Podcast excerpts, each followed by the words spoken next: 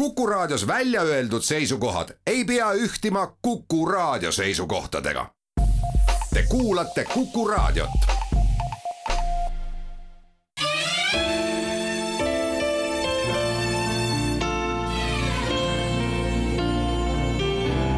nädala raamat. Ernst H. Gombrich, maailma lühiajalugu noorele lugejale, kirjastuselt Varrak ilusat uut nädalat, head kuulajad! loodetavasti kenaks kujunev varane kevadkuu on Kuku lugemislauale ulatanud alustuseks ühe ütlemata armsa käsitluse ajaloost. see ehk mõnele ootamatu ja võib-olla isegi sobimatuna tunduv iseloomustus ajaloo käsitlusele kui sellisele on muidugi subjektiivne ja kohe seda ka põhjendan ma ei tea, paljud kuulajad teist on juhtunud kätte võtma mõnd enne teise ilmasõja aegset õpikut või aimekirjandusse kuuluvat teost. kui ehk olete juhtunud lugema või sirvima, siis äkki nõustute selle hinnanguga, et küll need on mõnusas omapärases maneeris kirjutatud. ja ei pea siin silmas isegi neid vanaaegseid sõnu või teistmoodi grammatikat, vaid kogu kirjutamislaadi meie selle nädala raamatut kätte võttes kangastus üsna varsti silme ette üks ennesõjaaegne maateadusõpik. see oli ilmselt Jaan Rumma kirjutatud ja seda oli lapsepõlves lausa võimatu käest panna. seda illustreerisid ka väga vahvad joonistused, näiteks ilmastikunähtustest. kahjuks ei mäleta, kes seal illustraator küll oli. kuhu tahan selle jutuga tüürida, on üks ütlemata ootamatu fakt. nimelt meie selle nädala raamat, mis on kirjastuse Varrak väljaantuna ja eestikeelse tõlkena siis äsja, aastal kaks tuhat kakskümmend kolm ilmunud, see nägi trükivalgust esmakordselt aastal tuhat üheksasada kolmkümmend viis. jah, kuulsite õigesti, kaheksakümmend kaheksa aastat tagasi. ja see selgitab toda lummavat kirjutamismaneeri, mida säilitades on raamatu tõlkija Anne Arold teinud hiilgava töö ja mille eest on põhjust teda tänada selle tuhande üheksasaja kolmekümne viienda aasta väljaandmise fakti juures võiks ju mõelda, et mis seal vahet on, kui see kaheksakümmend kaheksa aastat kogu maailma või ütleme siis inimkonna mitmesaja aastatuhande pikkusest ajaloost moodustab vaid pisikese kübeme. või isegi näiteks viimasest viie tuhandest aastast, kui me kõneleme juba välja kujunenud tsivilisatsioonist ja näiteks nädalaraamat meid Egiptusesse juhatab. see on tõesti kübe. aga kui nüüd vaadata, mis selle viimase kaheksakümne kaheksa aasta jooksul on maailmas aset leidnud, no siis on muidugi selge, et meie maailma lühiajalugu noortele oleks tollesse aastasse pidama jäänuna ikka väga puudulik. mistap siis ütleme kohe ära, et ka läinud sajand ühes teise maailmasõja ja sellele järgnenuga on meie nädalaraamatus igati sees ja kaetud. selle kirjutas Kombrich kuuskümmend aastat pärast raamatu esmatrükki juurde sellega üllatused meie nädalaraamatu juures ei lõppe nimelt ei olnud selle ajalookäsitluse autor, Austriast pärit Ernst Gombrich üldse mitte ajaloolane, vaid hoopis kunstiajaloolane, kes sattus raamatut kirjutama mõneti juhuse tahtel. meie nädalaraamatule eessõna kirjutanud Ernst Gombrichi lapselaps Leonia kirjutab. Pärast seda, kui mu vanaisa oli kaitsnud Viini ülikoolis doktoritöö, jäi ta töötuks ja nendel rasketel aegadel polnud tal ka erilist lootust mingit kohta leida üks kirjastamisega seotud sõber küsis vanaisalt, kas tal poleks tahtmist heita pilk ühte ingliskeelsesse lastele mõeldud ajalooraamatusse ja kaaluda selle tõlkimist saksa keelde. raamat pidi ilmuma uues sarjas Teadus lastele. Vanaisale ei avaldanud see raamat erilist muljet ja ta ütles kirjastaja Valter Neuratile, et seda ei tasu tõlkida ma arvan, et võiksin ise parem kirjutada, ütles vanaisa, mispeale kirjastaja palus tal proovipeatüki paberile panna ja talle saata kui mu vanaisa oli doktoritööga lõpusirgele jõudnud, pidas ta kirjavahetust oma sõprade tütrega, kes uuris, millega ta kogu aeg nii kangesti tegeleb.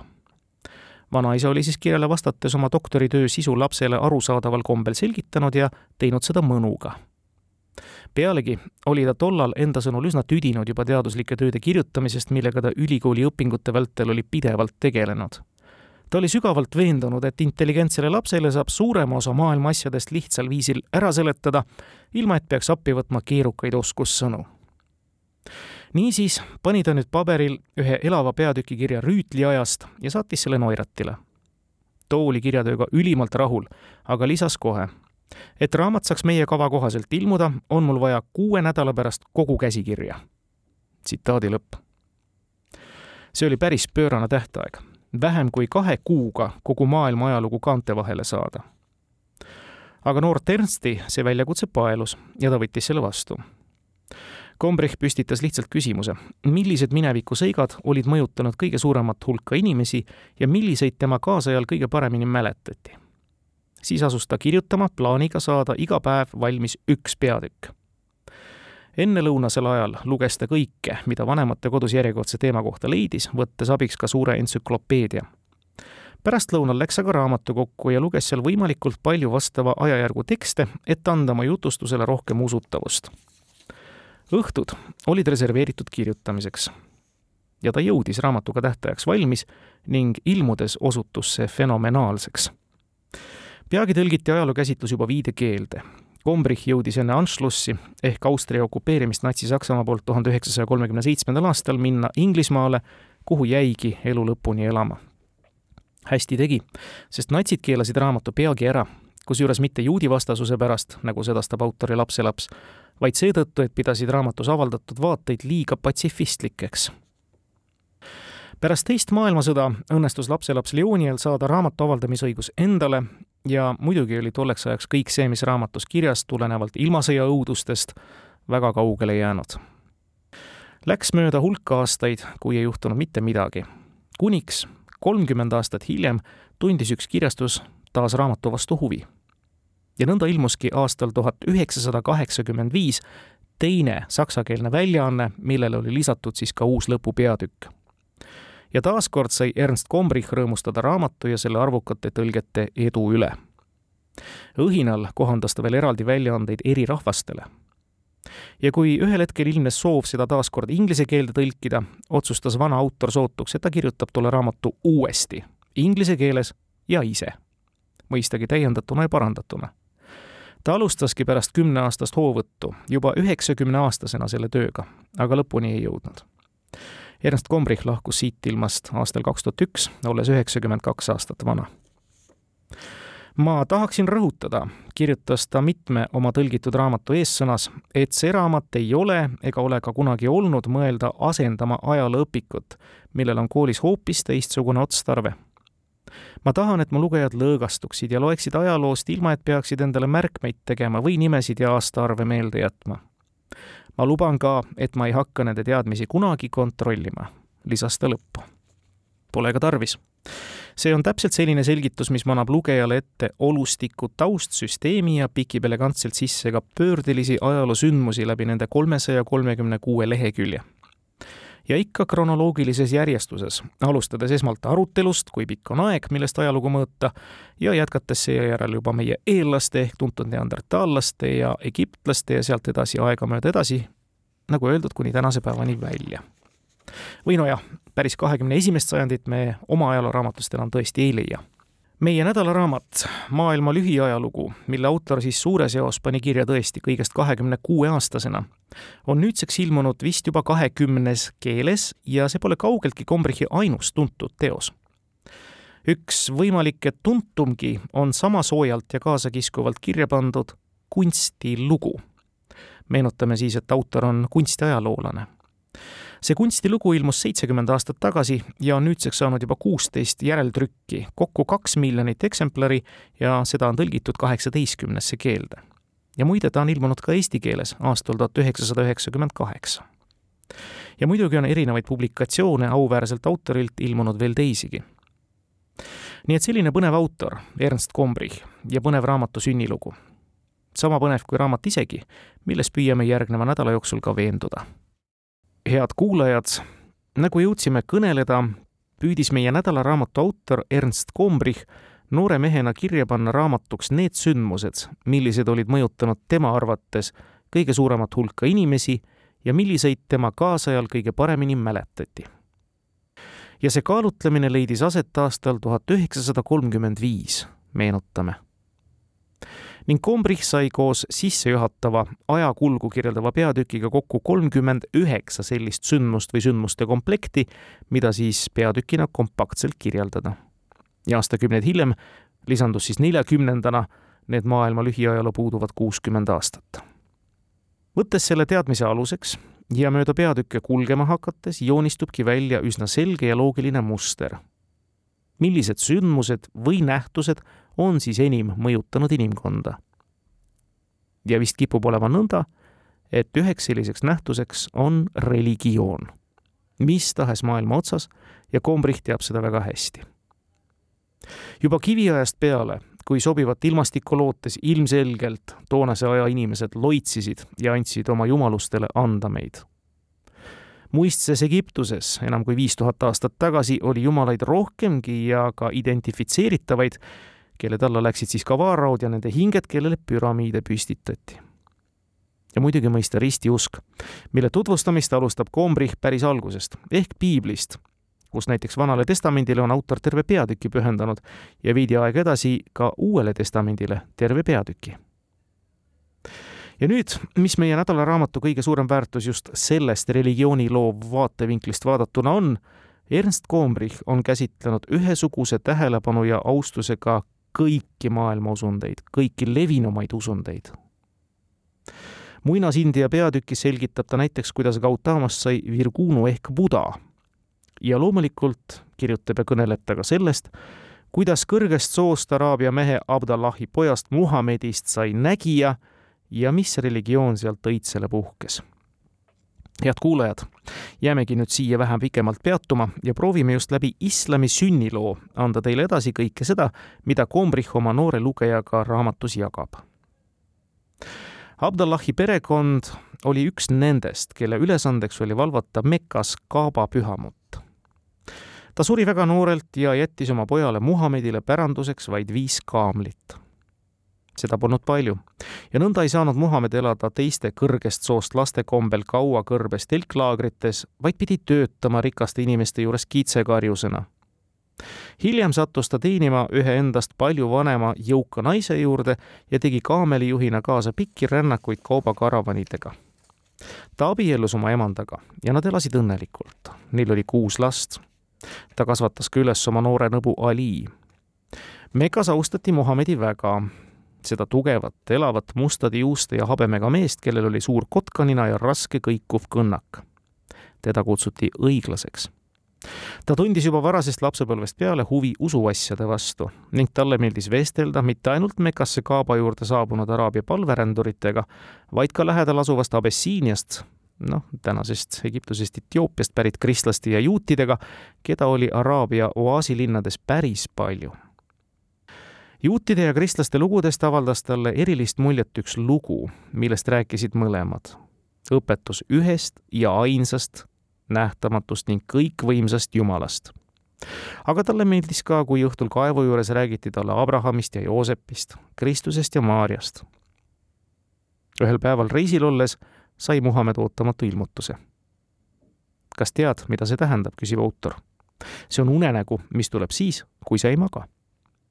Muhamed nägi peaingel Gabrieli enda ette astuvat ja kuulis tema kõmisevat häält. loe, hüüdis ingel. ma ei oska lugeda, oigas Muhamed. loe, hüüdis ingel teist ja kolmandatki korda, käskides tal issanda oma jumala nimel palvetada sellest nägemusest täiesti vapustatuna läks Muhamed koju. ta ei teadnud, mis temaga oli juhtunud. kolm aastat kõndis ta mõtlikult ringi ja juurdles selle kummalise elamuse üle. Lõpuks kolme aasta pärast oli tal uus nägemus. taas nägi ta enda ees peaingel Gabrieli ümbritsetuna taevasest hiilgusest. värisedes ja täiesti endast väljas, jooksis ta koju ja heitis segaduses asemele pikali. naine kattis ta mantliga ja nõnda lamades kuulis ta uuesti häält. tõuse üles ja hoiata, käskis see ja kiida oma issandat. see oli Muhamedile sõnum Jumalalt, kes käskis tal hoiatada inimesi põrgu eest ja kuulutada neile nende ainsa nähtamatu Jumala ülevust. sellest ajast peale tundis Muhamed end prohvetina, hääletoruna, kelle suu kaudu edastab Jumal oma tahet inimkonnale järgnevalt kirjeldab autor Ernst Kombrich Muhamedi kannatusi prohvetina. küll teda naerdi välja ja lõpuks aeti ka Mekast välja ning pandi talle peale suhtlemiskeeld. see oli mehele ränk karistus ja veel rängem oli järgnemas. Kaaba valvurid otsustasid Muhamedi kui reeturi mõrvata. aga kuuesaja kahekümne teise aasta kuueteistkümnendal juulil ta põgenes vahetult enne mõrvarite saabumist oma maja tagaakna kaudu Medinasse ja miks see on just kuupäevaliselt nii oluline ära märkida, seda päeva nimetatakse araabia keeles hijraks ja Muhamedi järgijad loevad aastaid alati selle järgi täpselt samamoodi nagu kreeklased olümpiaadide, roomlased Rooma asutamise või kristlased Kristuse sünni järgi, kirjutab autor järgnenud missioonitöö, tõsi küll paguluses, piltlikult öeldes, oli Muhamedile õnnelik. ta sai õpetada oma sõnumit, karta ainult oma ainust Jumalat, see on siis araabia keeles Allahit, ja ei midagi muud ega kedagi muud. inimestel polevat mõtet muretseda ega rõõmustada, sest Jumal on meie edasise saatuse juba ette ära määranud ja suurde raamatusse kirja pannud. mis tulema peab, tuleb niikuinii, surmatund on meile algusest peale kindlaks määratud me peame üksnes alluma Jumala tahtele. alistumine on araabia keeles islam ja nõnda nimetas Muhamed ka oma õpetuse islamiks. Ei tea, kuidas teiega, head kuulajad, aga noh, keskmiselt usuleige, aga siiski uudishimulik lugeja, tema jaoks klaarub pilt siin üsna selgeks. eriti, kui lugeda nüüd järgnevat Muhamed selgitas, et tema järgijad peavad selle õpetuse nimel võitlema ja võitma ning et pole patt tappa uskmatut, kes ei taha teda prohvetina tunnustada. et vapper sõdalane, kes langeb võitluses selle usu, Allahi ja prohveti pärast, läheb kohe paradiisi. Aga uskmatu või argpüks läheb põrgusse. selle selgitusega saavad noh, ütleme selgeks nii mõnedki asjad, tavad ja käitumised islamimaailmas. aga rõhutan, et ärge me nüüd sellest sõna-sõnalt kinni hakakem, palun, sest see on Ernst Gombrichi selgitus või tõlgendus oma noorele lugejale. ja muide ka üsna täpselt selgitab Kombrich ümber ka Koraani selgitust sellest, kuidas näeb välja paradiis. seda ei hakka siinkohal ümber jutustama, aga see kirjeldus on noh, annab mõista, et tegemist on ühe ütlemata materiaalselt meeldiva paigaga. ilmselt oli ka Muhamed seda kirjeldades üsna veenev, et sinna pääsemise nimel taheti võidelda. nõnda palju, et mediinlased läksid Meka vastu, et maksta kätte oma prohveti eest ja röövida karavane ja see sõda kestis vahelduva eduga mõlemale poolele, aga lõppes siiski Muhamedi järgijatele võidukalt. Veidi aega enne oma surma jutlustas prohvet oma neljakümne tuhande palveränduri ees ja rõhutas viimast korda kõiki oma seadusi, manitsedes muuhulgas järgijaid palvetama viis korda päevas näoga Meka poole, loobuma veinist ja olema julge. ja mõistagi tuli ka sõnumit levitada endale sobival moel kaliifide Abu Bakri ja Umari juhtimisel siirduti esmalt naabermaadesse. Edasi veel rohkem itta, kuniks Pürenee sai vallutatud, aga Frangi riigi peale enam hammas ei hakanud. kusjuures, nagu kirjeldab autor, polnud ka araablased omavahel sugugi ühel meelel. Nad valisid pärast kaliif Umari surma mitu kaliifi või nende järglast ja võitlesid julmalt ja veriselt ka üksteise vastu siit otsigem siis, head kuulajad, vastuseid ka küsimustele šiia ja sunnimoslemite jagunemise kohta. aga see lugu on mõistagi päriselt keerulisem. Et see peatükk nüüd liiga hirmutavana ei lõpeks, toob Kombrich välja ka tegelikult kõige selle hea ja parema, mis tänu araablaste liikumisele idast läände, mis sest et vägivallaga on lõpuks siiamaale jõudnud näiteks rõõm kaunitest vaipadest ja kangastest, uhketest hoonetest, toredatest aedadest ja hinnalistest kaunite mustritega tööriistadest. või siis numbrid, needsamad, mille kohta öeldakse araabia numbrid. Või näiteks paber, mis tänu araablastele jõudis Hiinast Euroopasse.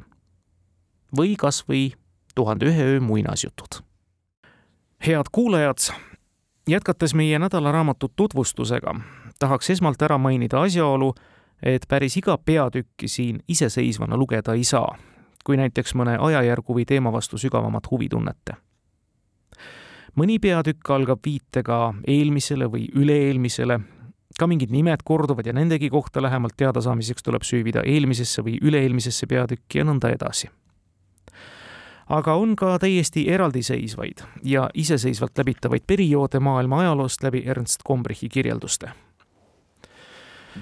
kui me jõudsime kõneleda ühest inimkonda enim mõjutanud nähtusest, milleks on religioon, siis päris kindlasti on mõjutaja rolli täitnud ka läbi aegade teadus ja tehnika. Kõikvõimalikud leiutised ja nende kasutamine on viinud inimkonda edasi ja mida aeg edasi, seda kiiremini. aga seda teate te ilmselt kõik niikuinii maailma ajalugu tunneb perioodi, mis vähemasti Euroopas andis inimkonnale, tema edasisele kujunemisele, harjumustele ja üleüldse kõigele päris uue näo. see oli kaheksateistkümnenda sajandi lõpp ja üheksateistkümnenda algus ning täna me teame seda tööstusrevolutsiooni nime all ja kuna see on nii oluline periood just inimkonna mõjutamise mõttes, siis jätkakski täna pikemalt peatudes just sellel peatükil, mille Ernst Gombrich, meenutame, lõi kaheksakümmend kaheksa aastat tagasi seda enam, et meie nädalaraamatus muide annab autor ajalugu edasi ka läbi esemete. see peatükk annab nime Inimene ja masin. Kombrich alustab enne asja juurde jõudmist ka meenutusega, et aeg, millesse ta on oma raamatujärjega jõudnud, kannab nimetust Biedermeieri ajastu, mis tähistab siis rahuloleva väikekodanlase ajastut ja see on ainult üks pool. teine pool see on peidetud pool Galileo ideest vaadelda ratsionaalselt loodust ja välja arvestada nähtuseid, mis valgustusajastu inimestele oli nii väga meeldinud. Ning just see valgustusajastu peidetud pool tõi kaasa palju suurema revolutsiooni, mis purustas vanad vormid ja institutsioonid palju võimsama hooga, kui seda oli teinud Pariisi jakobiinid oma giljotiiniga, kirjeldab Kombrich värvikalt ja jätkab. looduse aritmeetilise valdamise kaudu ei õppinud inimene ju mitte ainult mõistma, kuidas kõik toimib, vaid õppis ka neid jõude, mida oli ära tundnud enda kasuks rakendama. loodusjõud pandigi töötama inimese heaks. Ja ilmselt olulisim, mille inimene suutis tol perioodil leiutada, oli aurumasin Prantsuse õpetlane Papin oli teinud selleks katseid juba tuhande seitsmesajanda aasta paiku kuid alles tuhande seitsmesaja kuuekümne üheksandal aastal patenteeris Šoti insener Watt tõelise aurumasina. algul kasutati neid peamiselt kaevandustes, pumpade juures, kuid peagi hakati kaaluma ka võimalust liigutada nendega vaguneid või laevu. Juba tuhande kaheksasaja kolmandal aastal ehitas Ameerika mehaanik Fulton ratasauriku, ehkki katsetatud oli nende ehitamist varemgi Napoleon kirjutas toona, et see projekt on võimeline muutma maailma palet umbes samal ajal üritati ka Inglismaal vaguneid auruga paigalt liigutada. Kuid alles aastal tuhat kaheksasada kaks, kui leiutati raudteerööpad, töötati välja kasutuskõlblik masin ja tuhande kaheksasaja neljateistkümnendal aastal ehitas inglane Stevenson esimese päris veduri tuhande kaheksasaja kahekümne viiendal aastal avati esimene raudteeliin juba kahe Inglismaa linna vahel ning järgmisel kümnendil olid raudteed olemas Prantsusmaal, Saksamaal, Austrias ja Venemaal Läks veel kümme aastat ja siis ei olnud Euroopas peaaegu ühtegi riiki ilma suurte raudteeliinideta. Raudteed kulgesid üle mägede ja suurte jõgede ning läbi tunnelite, mis muutis teekonna vähemalt kümme korda kiiremaks, kui see oli olnud varem kiireima postitõllaga. sama kiirelt pani olulised asjad liikuma sõna otseses mõttes telegraaf ka seda katsetati esmakordselt juba kaheksateistkümnenda sajandi keskel temaga tehti küll väga palju katsetusi ning alles aastal tuhat kaheksasada kolmkümmend seitse suutis Ameerika maalikunstnik Morse demonstreerida oma sõpradele lühikest telegrammi ja jällegi kulus vaid veidi rohkem kui kümme aastat, kuniks telegraafside võeti mitmes maailma riigis kasutusele. ja maalikunstnik Morse andis oma nime rahvusvaheliselt tuntud kirjasüsteemile ning muidugi andis aur sõna otseses mõttes hoo sisse igasugustele asjadele tootmises Aur ja tema käitatud masinad hakkasid tööle nõnda, et inimest ei läinud sealjuures enam vajagi. autor kirjutab, meenutame siis noorele lugejale, mõtle näiteks ketramisele ja kudumisele. vanasti tegid seda käsitöölised. kui kangaid vajati rohkem, olid vabrikud juba olemas, kuid seal oli lihtsalt palju kangruselle, kes töötasid käsitsi. alles vähehaaval hakkasid inimesed ka seal rakendama oma teadmisi loodusest täpsemad aastaarvud on siin jällegi väga sarnased teiste suurepäraste leiutiste omadega. ketrusmasinat hakati katsetama tuhande seitsmesaja neljakümnendal aastal, seda täiustati pidevalt, kuni jõuti tööstusliku tootmiseni alates tuhande seitsmesaja kaheksakümne kolmandast aastast kuid alles tuhande kaheksasaja kahekümne viiendal aastal sai masin igati kasutuskõlblikuks. mehaaniliste kangastelgede ajastu saabus peaaegu samal ajal. Nende masinate ja tehaste jaoks oli vaja sütt, ja rauda. nii said korraga suure eelise need riigid, kus oli olemas nii kivisüsi kui ka raud. ja kõik need asjad tekitasid kokku inimeste seas võimsa liikumise. Nad raputati nii segamini, et vaevalt jäi midagi vanale kohale. mõtle vaid sellelegi, kui kindel kord oli valitsenud keskaegse linna tsunftides Need pidasid vastu kuni Prantsuse revolutsioonini ja veel kauemgi, ehkki juba siis oli sellil raskem meistriks saada kui keskajal. ometi oli tal selleks veel võimalus ja lootus olemas. nüüd aga masinate ajastul oli kõik korraga muutunud. oli inimesi, kellel olid masinad, selle masinaga töötamiseks ei pea palju õppima. see teeb kõik ise ära. vajalikke võtteid on lihtne juba mõne tunniga ette näidata nii et kui kellelgi oli kudumismasin, palkas ta paar meest või naist või isegi last ja sai nüüd masinaga rohkem tööd ära teha kui varem sajad koolitatud kudujad. ja mida pidid nüüd tegema linnakangurud, kui sinna ootamatult säärane masin üles seati? Neid ei olnud enam lihtsalt vaja. kõik, mis nad aastate jooksul õpipoisi ja selline olid õppinud, muutus üleliigseks. masin tegi kõike kiiremini, paremini ja võrratult odavamalt. sest masin ei pea sööma ega magama nagu inimene. ta ei pea kunagi puhkama kõik selle, mida sada kudujat meeldivaks ja õnnelikuks eluks vajanuks, sai tootja tänu masinale kokku hoida või enda tarbeks ära kasutada. aga kas tal polnud siis masinate juhtimiseks ka töölisi vaja? muidugi oli tal neid vaja, aga esiteks ainult väga väheseid ja teiseks ei vajanud nad ka pikka koolitust. nõnda siis selgitab Kombrich lahti tolle tööstusrevolutsiooni kõike mõjutava mõju noorele lugejale ja annab talle kätte ka järgmise otsa, kus asub selgitama, tolle ajastu kaasnevaid sotsiaalpoliitilisi mõjutusi. linna sada kangrut olid nüüd töötud, nadid nälga, sest masin tegi nende eest töö ära. aga enne, kui keegi koos oma perega nälga sureb, on ta loomulikult valmis kõigeks ka ütlemata väikese raha eest rügama, kui vaid teeniks nii paljugi, et saaks vaevu hinge sees hoida ja kuidagigi tööd teha. ja sellelegi tekkis konkurents. üha rohkem inimesi oli nõus üha väiksema raha eest üha rohkem tööd tegema ja enam kui kaheteistkümnetunnised tööpäevad osutusid reegliks, mitte enam erandiks. mõni vihastas ägedalt nende õnne rikkunud masinate peale, tungis tehastesse ja lõhkus mehaanilisi kangastelgi, kuid sellest polnud mingit kasu. Inglismaal muide karistati tuhande kaheksasaja kaheteistkümnendal aastal masinate lõhkumise eest surmanuhtlusega ja peagi tulid juba uued ja paremad masinad, mis suutsid ära teha mitte saja, vaid juba viiesaja töölise töö, suurendades üldist viletsust veelgi ja kui osavalt ning mitmekihiliselt seob Kombrich meie nädalaraamatus selle tõsise sotsiaalprobleemi sellega, mis ühiskonnas on peagi järgnemas. leidus inimesi, kes arvasid, et nii ei saa asjad edasi minna. et see on ebaõiglane, kui mõni inimene võib lihtsalt sellepärast, et tal on masin, mille ta võis ka muide päranduseks saada, kohelda kõiki teisi nõnda, nagu isegi ükski aadlik vaevalt, et oma talupoegi oli kohelnud Nad arvasid, et sellised asjad nagu tehased ja masinad, mille omamine andis sedavõrd suure võimu teiste inimeste saatuse üle, ei peaks kuuluma üksikisikutele, vaid kõigile ühiselt. seda arvamust nimetatakse sotsialismiks. ja tasapisi jõuab ka Kombrich nüüd Karl Marxini, kelle ideed kirjeldab ta ka geniaalselt lihtsalt. Karl Marx õpetas, et pole mõtet ette kujutada, mis oleks, kui masinad kuuluksid kõigile töötajatele töötajad peaksid need võitlusega enda kätte võtma. ja jääme nüüd ka siia tolle peatükiga pidama.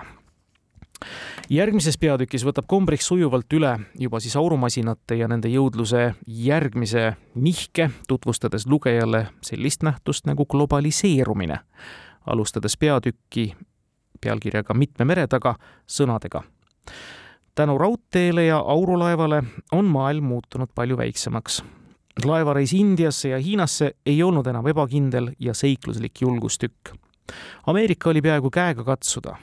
seetõttu saab alates tuhande kaheksasajandast aastast maailma ajalugu vaadelda veelgi vähem kui üksnes Euroopa ajalugu. head kuulajad, meie nädalaraamat on ka üks ütlemata hea võimalus otsida kinnitust või ümberlükkamist mõnele juurduma kippuvale klišeele ja teadmisele ajaloost no näiteks selline mõiste kui pime keskaeg.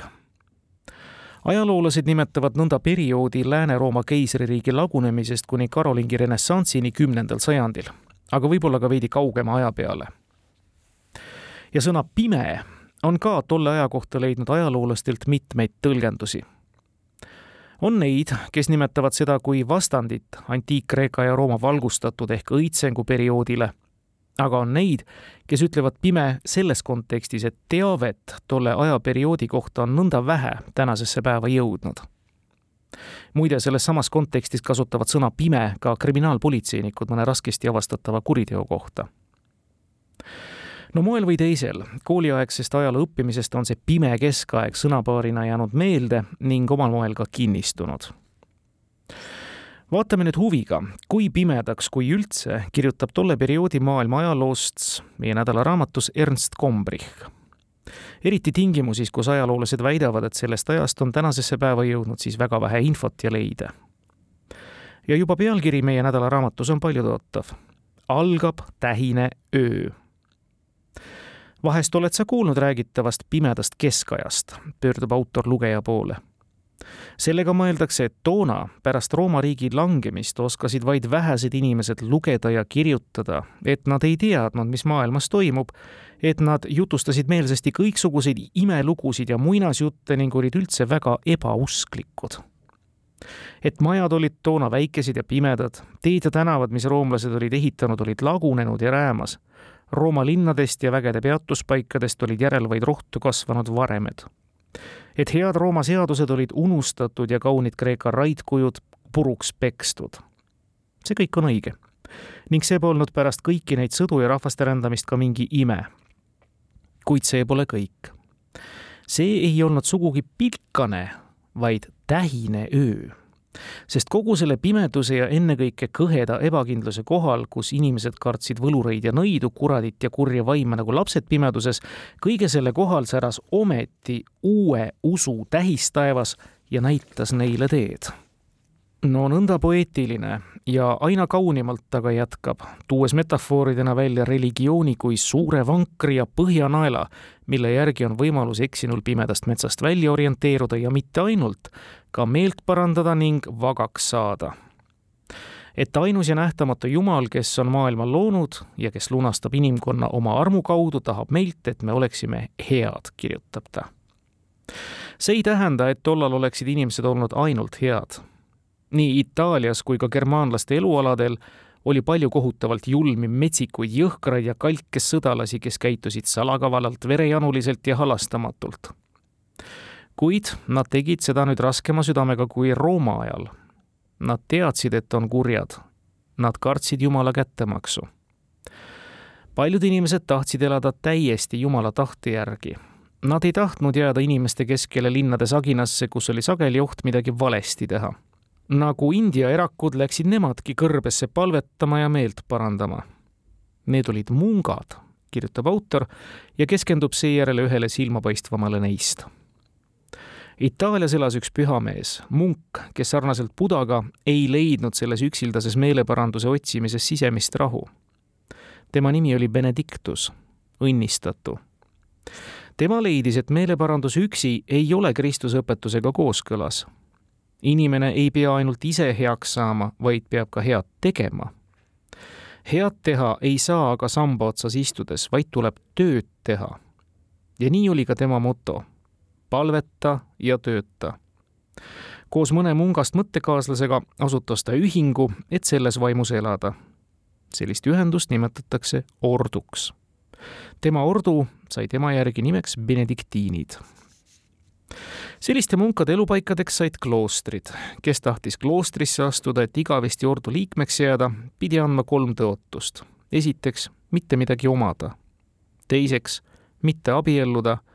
kolmandaks, kuuletuda alati ja tingimusteta abdile, kloostri ülemale kui kedagi mungaks pühitseti, ei pidanud ta seejärel mitte ainult kloostris palvetama, ehkki palvetamist võeti loomulikult väga tõsiselt ja kuulati ka mitu korda päevas missat, sest taheti ju head teha, aga selleks oli vaja ka midagi teada ja osata. ja nii olidki benediktiini mungad ainsad, kes tegelesid kõiksuguste antiikajast pärit mõtete ja avastustega.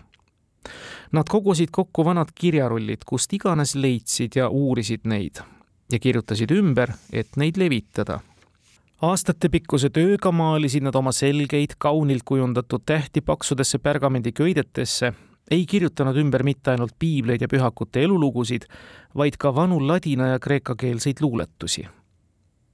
vaevalt me neist tänapäeval ühtki teaksime, kui mungad poleks nii palju vaeva näinud.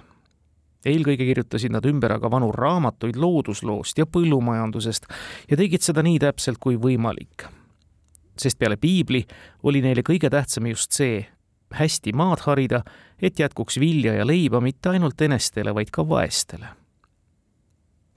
Metsastes piirkondades ei olnud tollal peaaegu üldse peatuspaiku ränduritele. kes söandas reisida, pidi ööbima kloostris. seal oldi heades kätes. valitses vaikus, usin askeldamine ja meelerahu. ja nõnda kirjutab ta siis ka edasi autor, nagu oleme juba märkida jõudnud, ei keskendu üksikisikute ja esemete kaudu mitte ainult ühele küljele ajalooperioodist või teisele, vaid vaatleb ka osavalt teemasid põimides mitte nii helgeid hetki. Näiteks kirjutab Combrich Germaani hõimudest ja ühest silmapaistvamast tegelasest nende keskel, kuningas Klodovekist, kes põlvnes merovingide suguvõsast ta valitses kuningana frankide hõimu ning oli vapruse ja kavaluse mõrvade ja pettuste abil saanud oma võimu olla peaaegu poole praegusest Saksamaast ja suure osa praegusest Prantsusmaast. frankide hõimu järgi kutsutakse kuningas Klodoveki valitsetud maad tänapäevalgi Prantsusmaaks. Klodovek lasi ennast ja oma rahvast ristida aastal nelisada üheksakümmend kuus ilmselt seetõttu, et ta uskus, et kristlaste jumal on võimas teemon, kes aitab tal võita eriti vaga Klodovek just ei olnud. ja siit nüüd veel mitu siilu edasi minnes kirjutab autor germaanlastest, kelle juures oli munkadel veel palju teha ja nad tegid ka palju.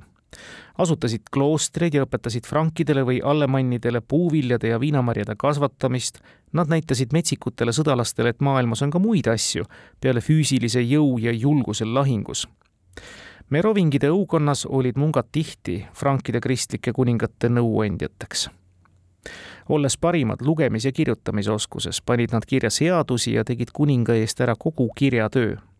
aga kirjatöö oli üksiti valitsemine. Nad kirjutasid ju kirju teistele kuningatele, astusid kontakti Rooma paavstiga ja olid oma lihtsas tagasihoidlikus kuues kogu selle ikka veel väga korrastamata Frangi kuningriigi tegelikud valitsejad. teised Iirimaalt ja Inglismaalt pärit mungad söandasid minna isegi praeguste Põhja-Saksamaa ja Hollandi üksildastesse nurkadesse ja paksudesse metsadesse, ehkki sealsed asukad ei olnud isegi nime poolest kristlased. Siin oli evangeeliumi kuulutamine ohtlik, sest kohalikud talumehed ja sõdalased austasid kindlalt oma isade usku ja nõnda siis jõuame otsapidi ka juba meie muistsete eestlaste maadeni, kus teame, et see kirjeldatud ristisõda päädis kogu meie maa ristiusustamise ja seitsmesaja-aastase orjapõlvega, nagu seda on kirjeldatud. aga sellest Kombrich ei kirjuta. muide, Eestit ega ka näiteks Liivimaad ei mainita oma ajalookäsitluses poole sõnagagi aga jätkates nüüd pimeda keskajaga, jõuab Kombrich oma looga sinnamaale, et paganluse aeg sai Saksamaal üks hetk siiski otsa üsna varsti käisid peaaegu kõik kloostrite lähedusse püstitatud lihtsates puukirikutes ja küsisid pärast jumalateenistust munkadelt nõu, kuidas haigeid loomi ravida ja õunapuid röövikute eest kaitsta. isegi riigi võimsad valitsejad leidsid tee just munkade juurde. Ning just kõige metsikumad ja vägivaldsemad nende seast olid eriti helded, andma neile suuri valdusi, sest nad lootsid, et suudavad sel viisil Jumalat lepitada nõnda siis said kloostrid rikkaks ja võimsaks, kuid mungad ise jäid oma lihtsastes kitsastes kongides endiselt vaeseks ning palvetasid ja töötasid edasi, nii nagu püha Benedictus oli käskinud. head kuulajad, selline mõneti ehk ootamatu vastus noorele lugejale, kes tahab veenduda selles, et kas keskaeg oli siis pime või mitte. head kuulajad, nagu oleme korduvalt üle rääkinud, nägi meie nädalaraamatu originaal trükivalgust aastal tuhat üheksasada kolmkümmend viis. selles originaalis oli kolmkümmend üheksa peatükki. meie täna sirvitav eestikeelne tõlge koosneb neljakümnest peatükist selle viimase neljakümnenda kirjutas Ernst Kombrich juurde viiskümmend aastat hiljem, kui arhiivihämarustes seisnud raamatu originaalkäsikiri äratas kirjastustes ootamatut huvi ning Kombrichilt ja tema järglastelt paluti luba seda taastrükkida. ja selge see, et tõhusa täiendusega, sest maailm oli tundmatuseni muutunud. Kombrichi originaal tõmbas otsad kokku ju aastast tuhat üheksasada kaheksateist ehk Esimese maailmasõja lõpuga ja kui uskuda autori lapselapse Leonie eessõna, võttis vanaisa viimaseks peatükiks veel ka kõvasti hoogu. ilmselt otsides palavikuliselt moodust ja maneeri, kuidas need puuduvad kaheksakümmend aastat kirja panna, mida sealt kirja panna. sest sündmused olid pöörase kiirusega toimunud ja ilmselt ka sihtrühm ehk noor lugeja oli selles ajas väga palju muutunud. ja Kombrich otsustas lahendada võrrandi lõpuks minakeskselt. Meie nädalaraamatu viimane peatükk annab pealkirja Tükike maailma ajalugu, mida ise olen kogenud. tagasivaade ja tuleb tunnistada täna, et ka see juurde kirjutatud ajalugu jääb tänasele lugejale juba kaugeks ning ajale jalgu. kas või autori tõdemus, et maailm võib inimkonnale kitsaks jääda. Tuhande üheksasaja kaheksateistkümnendal aastal mõõdeti maakera rahvaarvuks kaks miljardit inimest, siis nüüd, ja jutt käib kaheksakümnendate aastate keskpaigast, on see juba neli ja pool miljardit no me teame, head kuulajad, et hiljuti sündis siia planeedile juba kaheksa miljardis inimene ja ka muudest asjadest kõneledes tundub see aeg ning toonased kaasaegsed tõdemused kaheksakümnendatest üsna tolmused, kui Kombrich kirjutab näiteks televiisoritest, kosmosereisidest ja tuumajaamadest. Ja need asjad on kõik ka täna olemas, aga me räägime ikka pigem juba nutiseadmetest, SpaceX-idest ja tuumajaamade kinnipanekust.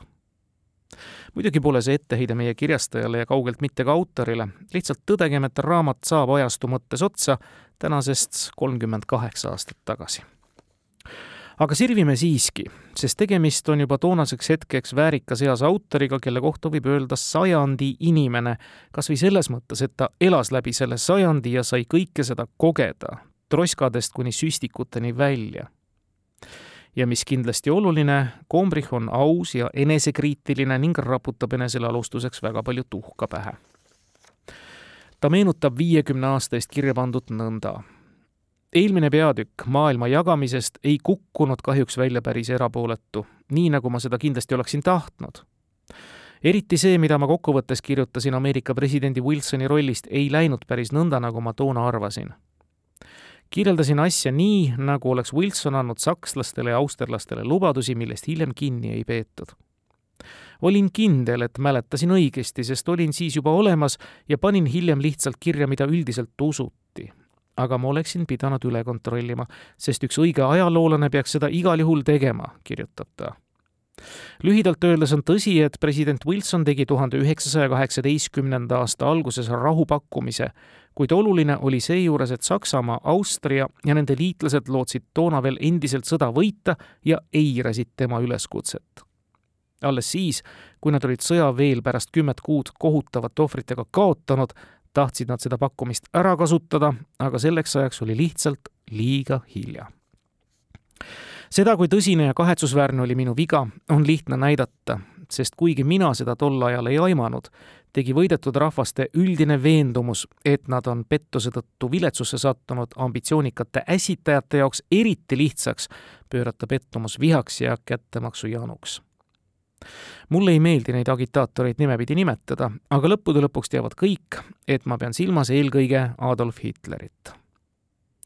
Hitler oli esimeses maailmasõjas olnud sõdur ja temagi jäi veendumusele, et Saksa armee poleks ilma selle oletatava pettuseta kunagi lüüa saanud. tsitaadi lõpp kuidagi väga ajakohane tundub täna siin Eestis neid asju lugeda aga mööda seda lõpupeatükki nüüd edasi liikudes, siis kahjuks jätkab Kombrich kahjatsemist veel mõne peatüki kallal, mida võinuks ja pidanuks kunagi teistmoodi kirjutama või siis asju hindama. no näiteks kaheksateistkümnendat sajandit kirjeldades alustas ta arvamisega, et uus aeg oli saabunud. aga noh, tänaseks või isegi toonaseks hetkeks tuli teadmine, et see uus aeg tuli ikka oluliselt hiljem jah, Kombrich puudutab ka kahekümnenda sajandi ajaloo sündmusi selles viimases peatükis, aga teeb seda noh, tõtt-öelda üsna pealiskaudselt. arvaks, et ka noore lugeja jaoks, kes on veidi taibukam, et saaks aru kõneldu sügavamast poolest. no näiteks ma oleksin eelistanud vaikida sellest suurest kuriteost, mis meie sajandil toime pandi. sest lõppude lõpuks on see raamat suunatud noortele lugejatele, keda tahaks ikka kõige hullemast säästa kuid ka lapsed kasvavad kunagi suureks ja seetõttu peavad ka nemad ajaloost õppima, kui kergesti võivad kihutustöö ja sallimatus teha inimestest koletised. teise maailmasõja lõpuaastatel aeti kõik Saksa armee poolt okupeeritud Euroopa riikide juutidest elanikud, miljonid mehed, naised ja lapsed kodudest välja, veeti enamasti itta ja mõrvati seal. tsitaadi lõpp ja jällegi järgnevad parandused, viited varasematesse peatükkidesse ja need muudkui korduvad. ja kui nüüd päris aus olla, siis ega väga nagu teise maailmasõja järgset ilmakorraldust meie nädalaraamatust suurt lugeda saagi.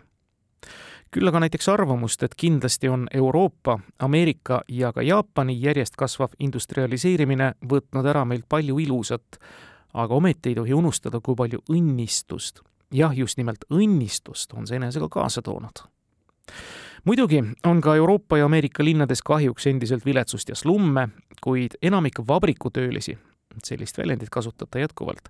isegi enamik töötuid elab tänapäeval paremini, kui mõni rüütel võis endale keskajal oma lossides lubada, märgib Kombrich. Nad söövad paremini, ennekõike on nad tervemad ja elavad üldiselt kauem kui mõni aeg tagasi inimesed on alati unistanud kuldsest ajast, kuid nüüd, mil selline kuldne ajastu on paljude jaoks peaaegu reaalsus, ei taha keegi seda tunnistada, kirjutab ta. ja siis järgneb nüüd ka tükike geopoliitikat otsa, nii nagu üheksakümnenda aasta noor lugeja seda tajuma peaks. idapoolsetes maades, kellele Vene armee oli peale surunud kommunistliku süsteemi, olid asjad hoopis teisiti eelkõige Ida-Saksamaa elanikkond, kes oli nii kaua pealt näinud, kui palju paremini elasid nende läänepoolsed naabrid, keeldus ühel päeval leppimast nende raskete ohvritega, mida kommunistlik majandussüsteem inimestelt nõudis. ja nii juhtuski aastatel tuhat üheksasada kaheksakümmend üheksa kuni tuhat üheksasada üheksakümmend midagi ootamatut ja uskumatut. idasakslastel õnnestus sundida valitsust piiri avama ja kaks Saksamaa osa taasühendati see meeleolu kandus üle Nõukogude Venemaale ning tõi seal ja ülejäänud Ida-Euroopas kaasa valitsussüsteemi lagunemise ja sellega meie nädalaraamat sisulise koha pealt ka lõpeb, faktide osas. arvamus taga jagub Kombrichil veel päris lõppugi. ta kirjutab. lõpetasin eespool peatüki esimesest maailmasõjast sõnadega. me kõik loodame paremat tulevikku, see peab ükskord tulema. kas see on siis nüüd tõesti tulnud? Kaugeltki mitte kõigi nende paljude inimeste jaoks, kes meie maakera asustavad. Aasias, Aafrikas ja Lõuna-Ameerikas valitseb rahvamasside seas ikka veel sama viletsus, mis meiegi maades peeti alles peaaegu hiljuti enesestmõistetavaks. seda olukorda pole niisama lihtne parandada, kuna seal käib viletsus nagu alati käsikäes sallimatusega kuid paranenud sidevahendid on andnud võimaluse koputada ka jõukamate riikide südametunnistusele kui kusagil kaugel leiab aset maavärin, üleujutus või põud, mis nõuab palju ohvreid, rakendavad tuhanded jõukate piirkondade elanikud oma ressursid ja jõud, et sinna abi saata. midagi sellist ei ole varem olnud. see näitab siiski, et meil on õigus ka edaspidi loota paremale tulevikule. vaat nii, see viimane stroof võiks kehtida ja muide kehtibki vabalt ka täna, aastal kaks tuhat kakskümmend kolm. head lugemist!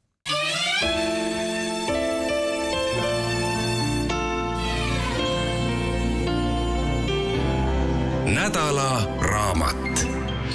Ernst H. Gombrich, maailma lühiajalugu noorele lugejale, kirjastuselt Varrak